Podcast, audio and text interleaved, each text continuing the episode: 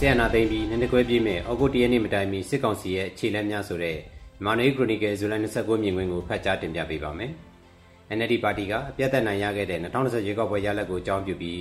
ဆီယနာသိမ့်ခဲ့တာ9ရက်ပိုင်းအတွင်းနည်းနည်းခွဲပြည့်တော့မှာဖြစ်ပါတယ်။2015ရွေးကောက်ပွဲမှာ NLD ပါတီနိုင်ရခဲ့တာကိုကြီးကြီးသားသားခွင့်ပြုခဲ့ပေမဲ့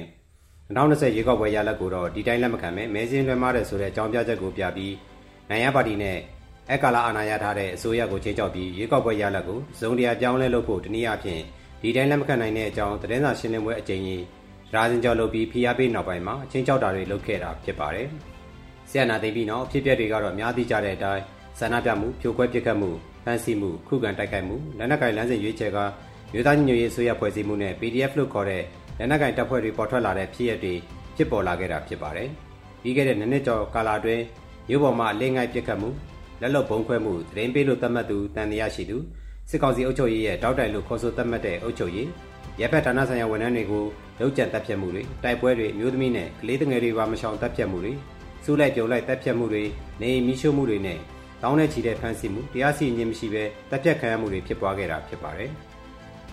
ဒီလိုနိုင်ငံရေးလူခွင့်ရေးချိုးဖောက်မှုဆိုင်ရာဖြစ်ရတွေအပြင်ပိုင်ဆိုင်မှုတွေကိုတည်ယူတာတွေအပြင်ရခိုင်မကြုံဘူးတဲ့နှုံသားတွေနဲ့ငွေကြေးဖောင်းပွားမှု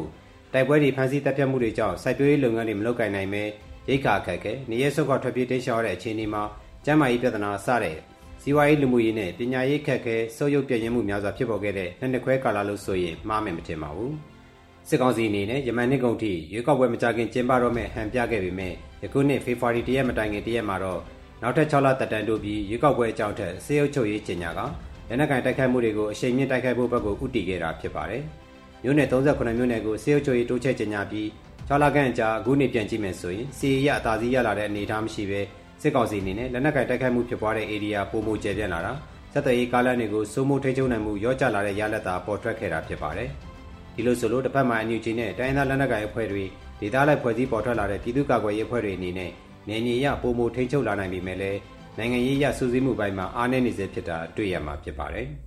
စစ်ကောင်စီအနေနဲ့နှစ်နှစ်ခွဲတာကာလမှာတန်တမန်ရေးစစ်ရေးစီးပွားရေးစစ်ကောင်စီတပ်ရင်အားပြန်လည်ဖြစ်တင်းနိုင်ရေးစတာတွေမှာအကြမ်းဖက်တွေစီဥတီနေတာတွေ့ရမှာဖြစ်ပါတယ်။သို့တော့နေချင်းညချင်းစစ်ကောင်စီပြိုကွဲကြဆုံးသွားမယ်လို့ညှော်လင့်ရင်တော့အလွယ်ကောက်ချက်ချရာကြပါလိမ့်မယ်။စစ်ကောင်စီအနေနဲ့သူ့ရဲ့မဟာဗျူဟာကိုပြောင်းလဲဖို့စဉ်းစားနေတဲ့ရေးလက္ခဏာတွေကိုနည်းနည်းခွဲမပြည့်ခင်သတင်းပတ်နိုင်ငံလိုမှာတွေ့လာရတာဖြစ်ပါတယ်။ပထမဆုံးလက္ခဏာကတော့ဇူလိုင်လ9ရက်နေ့မှာထိုင်းနိုင်ငံသားရေးဝန်ကြီးရဲ့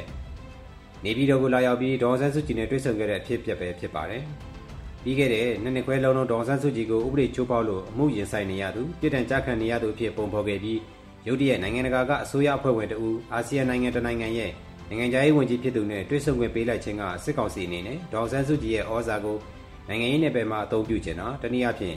၎င်းရဲ့စီးရေးရနှိမ်နှင်းတဲ့လမ်းစဉ်မအောင်မြင်တာကိုဝန်ခံလိုက်တာလို့ကောက်ချက်ချမဲ့အနေအထားဖြစ်ပါတယ်။ အဲဒီနောက်သတင်းပတ်နိုင်ငံခြားမှာဒေါ်ဆန်းစုကြည်ကိုနေပြည်တော်ချုပ်တောင်ကနေဒူးဝင်ကြီးတွေနေတဲ့နေအိမ်တိန်ကိုပြောင်းရွှေ့လိုက်ခြင်းကဒေါ်ဆန်းစုကြည်ကိုပြည်ထန်ကြကျင်းသားတူးဆိုတာကိုဖယ်ရှားလိုက်တဲ့သဘောတက်ရောက်တယ်လို့ကောက်ချက်ချမယ်ဆိုချနိုင်ပါတယ်။တပန်ကူရဲ့ဘက်မှာတရုတ်နိုင်ငံရဲ့အထူးတန်တမန်နေပြည်တော်ခီးစဉ်ကလည်းမကြခင်စစ်ကောင်စီရဲ့6လတတန်တို့ကာလမှာအပြောင်းလဲချိန်နှန်းတစ်ခုနဲ့ဆက်ဆက်နေနိုင်လားဆိုတဲ့မှန်းဆချက်တွေပေါ်ထွက်လာတာဖြစ်ပါတယ်။မကြခင်ရပိုင်းအတွင်းနိုင်ငံရေးအခင်းကျင်းအပြောင်းလဲတွေအရွှေ့တွေအရွေ့တွေခတ်သက်သက်ပေါ်ထွက်လာနိုင်ခြေလည်းရှိနေတဲ့သဘောဖြစ်ပါတယ်။ ဒီလိုကာလမှာနိုင်ငံရေးအင်အားစုတွေအနေနဲ့ပြောင်းလဲကိုချင်းကပ်ကြရမှာများပြည်သူပေါ်တက်ရောက်မဲ့ရေတိုရေရှည်ကြိုးရလက်မိမိဘွဲရဲ့အခြေခံရည်တည်ချက်တို့နဲ့တိုင်းတာတုံ့ပြန်ကြရမယ့်အခြေအနေလို့ထင်မြင်မိပါတယ်။အခုလိုစစ်ကောင်စီကစီးရေးထိုးစစ်တွေချောချခြင်းမရှိသေးပဲတိုက်ပွဲဖော်နေစေဖြစ်ပြီးနိုင်ငံရေးမျက်နှာစာမှာလည်းအကွက်တွေရွှေ့လာတယ်လို့မြန်မာပြည်သူတွေကြားမှာဝါရဖြန့်သတင်းတွေဆိုရှယ်မီဒီယာပေါ်ကသွေးခွဲသွေးကွဲစေတဲ့အမှားသတင်းတွေဖြန့်ချီမှုတွေတိုးပြီးလုတ်ကင်လာတာကိုလည်းသတိချက်ရမှာဖြစ်ပါတယ်။